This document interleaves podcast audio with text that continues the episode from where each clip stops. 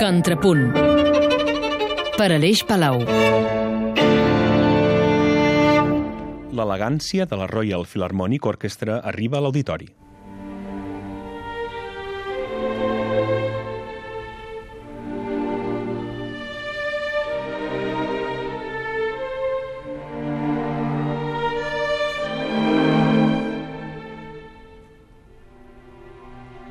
Ibercàmera tanca una fantàstica temporada amb la Royal Philharmonic Orchestra i el violinista i director Pinka Zuckerman al capdavant.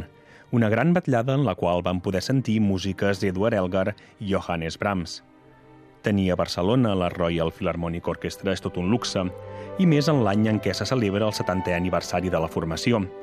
La primera part del concert la van constituir dues obres d'Elgar que són tot un reclam per als amants del repertori orquestral, la serenata per a cordes en mi menor, opus 20, i les fabuloses variacions Enigma, dos títols en els quals, des del primer acord, es va fer palesa l'excel·lència d'aquesta orquestra.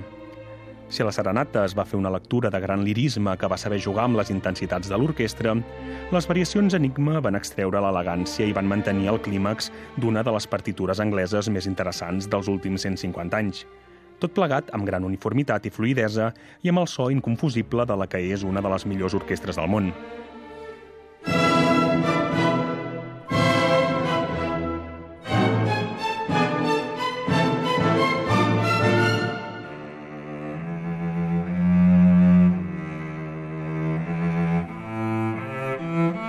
La segona part va venir de la mà del concert per a violí o violoncel en la menor opus 102 de Johannes Brahms, una obra sofisticada i que, malauradament, s'interpreta amb poca regularitat, però que no va acabar de trobar en el violí de Pinka Zuckerman i el violoncel d'Amanda Forsyth la precisió que molts esperàvem.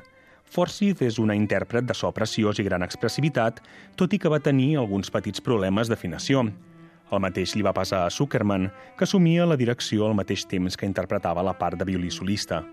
Es nota que hi ha complicitat entre el matrimoni, però el so del cello va eclipsar un Zuckerman massa enfeinat amb la doble vessant de tocar i dirigir. Malgrat això, la nit no va deslluir i els solistes van complir amb el concert i, fins i tot, van oferir un parell d'avisos amb música de Franz Lear.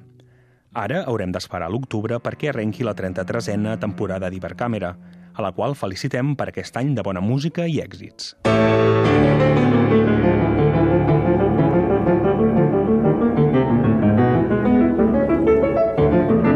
Contrapunt per Aleix Palau